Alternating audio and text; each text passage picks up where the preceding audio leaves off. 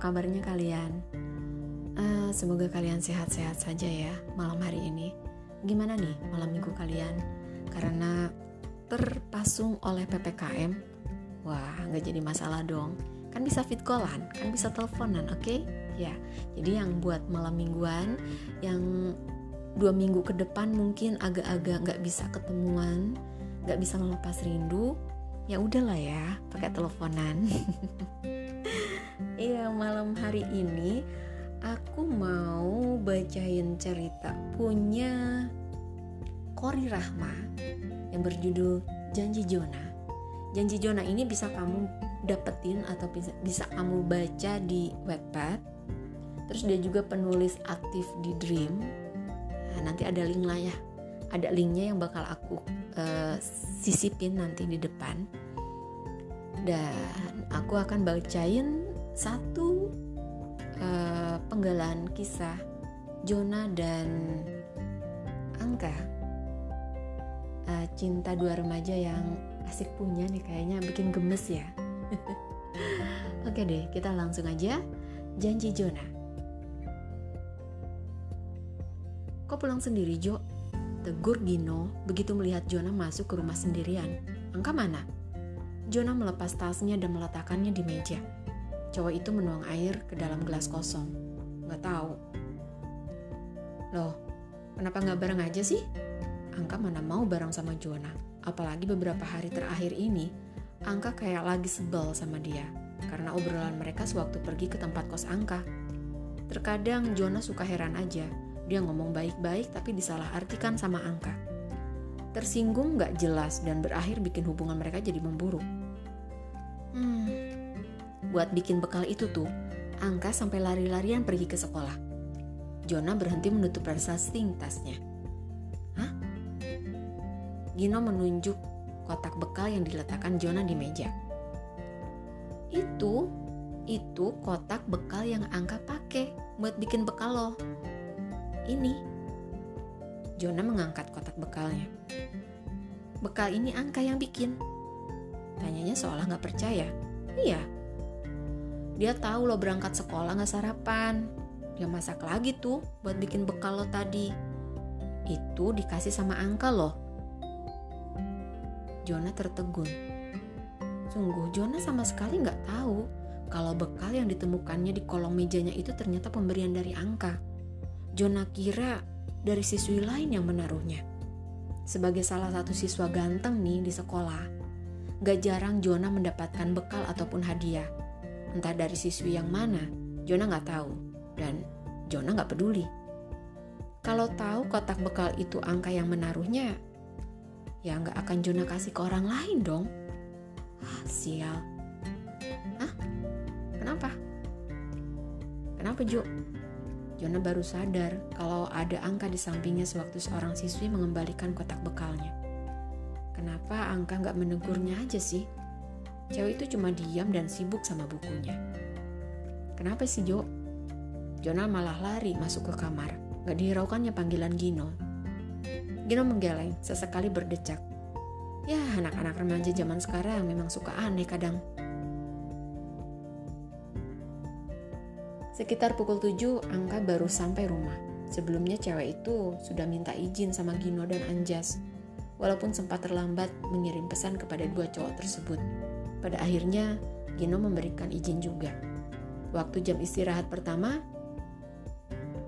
Angka sudah janji sama Dirana kalau dia bersedia menemani cewek tomboy itu pergi mencari sepatu ke mall. Diajaknya Angka keliling mall berjam-jam mencari sepasang sepatu.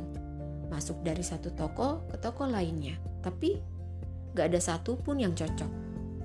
Sebenarnya Angka capek diajak keliling-keliling, kakinya udah cenat-cenut kalau kata orang tua zaman dulu. Kayaknya kaki kalau bisa ngomong, pasti akan bakalan ngomong capek, tapi nggak enak. Sampai akhirnya Dirana menemukan sepatu yang cocok sama keinginannya. Dalam hati Angka bersorak. Dia bisa bernapas lega. Itu artinya dia akan segera pulang dan pergi beristirahat.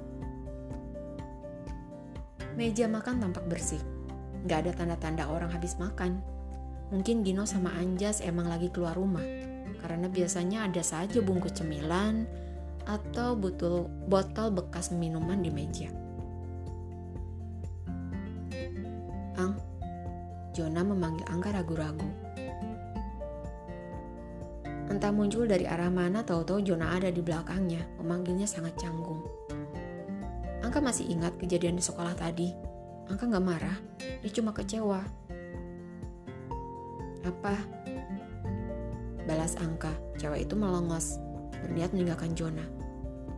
Uh, Kak Gino sama Kak Anjas lagi di luar. Terus?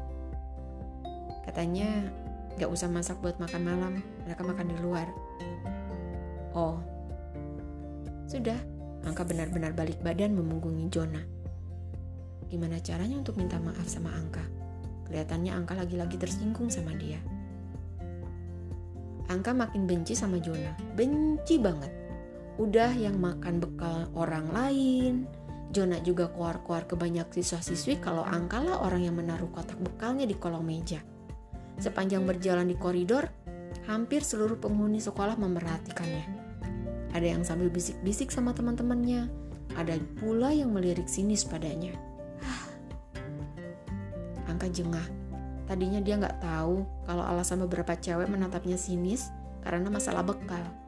Sampai akhirnya ada satu siswi yang menanyakan kebenaran soal bekal itu. Maunya Jona apa sih? Angka nggak mempermasalahkan kalau Jona nggak nggak suka sama dia. Gak apa-apa. Toh ini bukan pertama kalinya dia dibenci sama seseorang. Tapi tolong dong, gak kayak gini juga caranya. Apa untungnya Jona cerita ke orang-orang kalau Angka ngasih bekal ke dia coba? Lagi pula, bekalnya yang makan juga orang lain, bukan Jona. Angka, seorang siswi cantik memanggilnya.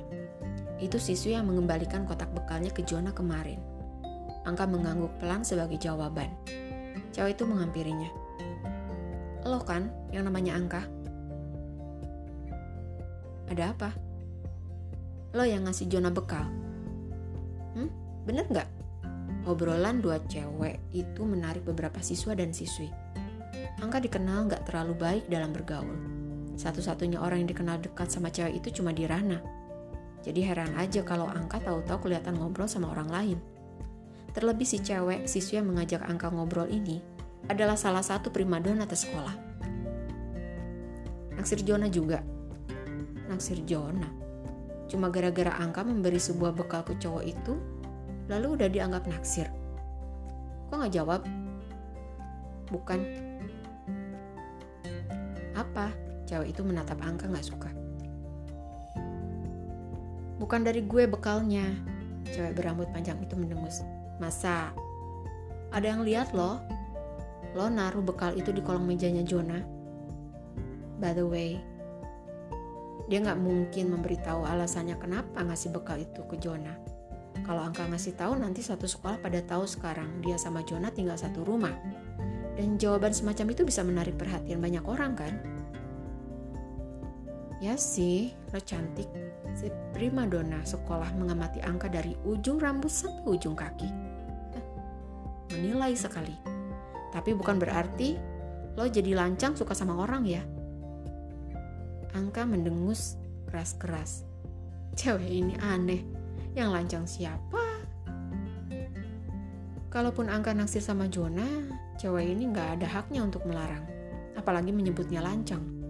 Tuhan aja nggak larang kok. Dia yang sama-sama manusia, kok berani melarang? Hmm. Kalau masih ngerti bahasa manusia, mending minggir. Kecuali lo hewan sih. Kesepuluh jari cewek itu mengepal kuat. Kedua matanya mendelik. Gak terima dihina sama Angka barusan. Dia kira Angka contoh cewek remaja yang gampang buat ditindas. Kebanyakan anak-anak zaman sekarang kan pada takut digertak. Namun sebaliknya, Angka berhasil menggertaknya balik. Gara-gara kotak bekal, satu sekolah jadi sibuk menggunjingnya. Katanya Angka diam-diam naksir sama Jona selama ini. Berlaga so dingin di depan orang banyak tahunya nggak ada bedanya sama siswi yang lain. Angka menutup kedua telinganya rapat-rapat sepanjang berjalan di koridor sekolah. Ini bukan hal asing baginya, dibicarakan banyak orang hanya karena kesalahpahaman. Sebelum-sebelumnya Angka juga pernah dibilang pasang susuk lah, dan lain sebagainya. Tersemat kata-kata yang kasar, kata-kata yang tidak pantas pada dirinya. Emang kenapa kalau banyak cowok naksir sama Angka? Bahkan Angka dijuluki sebagai cewek paling cantik di sekolah. Cuma karena penampilannya selalu sederhana, alis aja nggak digambar, bibir nggak dipoles lip lint, tapi bukan berarti angka jadi jelek dong. Bener nggak? Itu kan di mata-mata, di mata cewek-cewek yang iri sama angka. Aslinya, angka lebih cantik dari mereka-mereka. Dan mereka iri. Di kelas angka bersikap biasa. Seolah gosip yang menyeret namanya bukanlah sesuatu yang harus dibesar-besarkan. Kenapa harus marah? Kalau antara dia dan Jonah memang gak ada apa-apa. Semisal satu sekolah tahu mereka tinggal satu atap pun, Hmm. Gak kebayang gimana hebohnya. Sepanjang pelajaran dimulai, Angka dan Jona duduk dengan tenang di kursinya. Sembari memerhatikan, guru menerangkan di samping papan tulis. Mungkin karena Jona sama Angka bukan tipe remaja yang suka seredak seruduk. Jadi ya santai aja. Kelihatan banget kalau mereka itu nggak terganggu sama sekali. lagian Angka cantik kok. Ini jawaban dari sekian banyak orang yang nyinyir sama Angka. Mungkin Angka emang tipenya Jona, sama-sama diem gitu. Cocoklah kata gue. Ada satu juga yang mendukung. Ye, bisa aja Jona gak suka kali. Apa yang mau dibanggain sih dari Angka selain pinter sama cantik? Bergaul sama orang lain aja gak mau. Coba ya lo hitung, ada berapa banyak temen dia di sekolah? setan. Yang di atas ada salah satu jenis setan yang berbahaya. Girana doang. Wah, gue baru sadar nih, Jona sama Angga kan sama-sama deket sama Dirana. Jangan-jangan Dirana yang comblangin mereka berdua. Dan gak lama, Dirana jadi buronan ciwi-ciwi di sekolahnya. Mereka semua sibuk menanyakan soal kedekatan Jona sama Angka. Kebanyakan pertanyaan mereka sama. Benar gak sih Angka naksir Jona? Bener gak sih? Jona sama Angka jadian? Cie, buat kalian yang kepo, ikutan kepo sama kayak ciwi-ciwi ini nih. Kepo sama kedekatan Jona dan Angka, bisa klik linknya nanti ya biar kalian bisa denger eh bisa baca kok denger sih bisa baca ceritanya secara keseluruhan oke okay? iya Kori Rahma dengan janji Jona. Emangnya Jona punya janji apa ya? ya, cerita dari Kori Rahma ini biasanya sih menceritakan uh, ada psikologinya, terus ada dark romance-nya, terus ada hmm, aku baca beberapa ada yang merasa haus kasih sayang seorang tua gitu kan. Kehilangan orang tua baik itu papa ataupun mama gitu kan.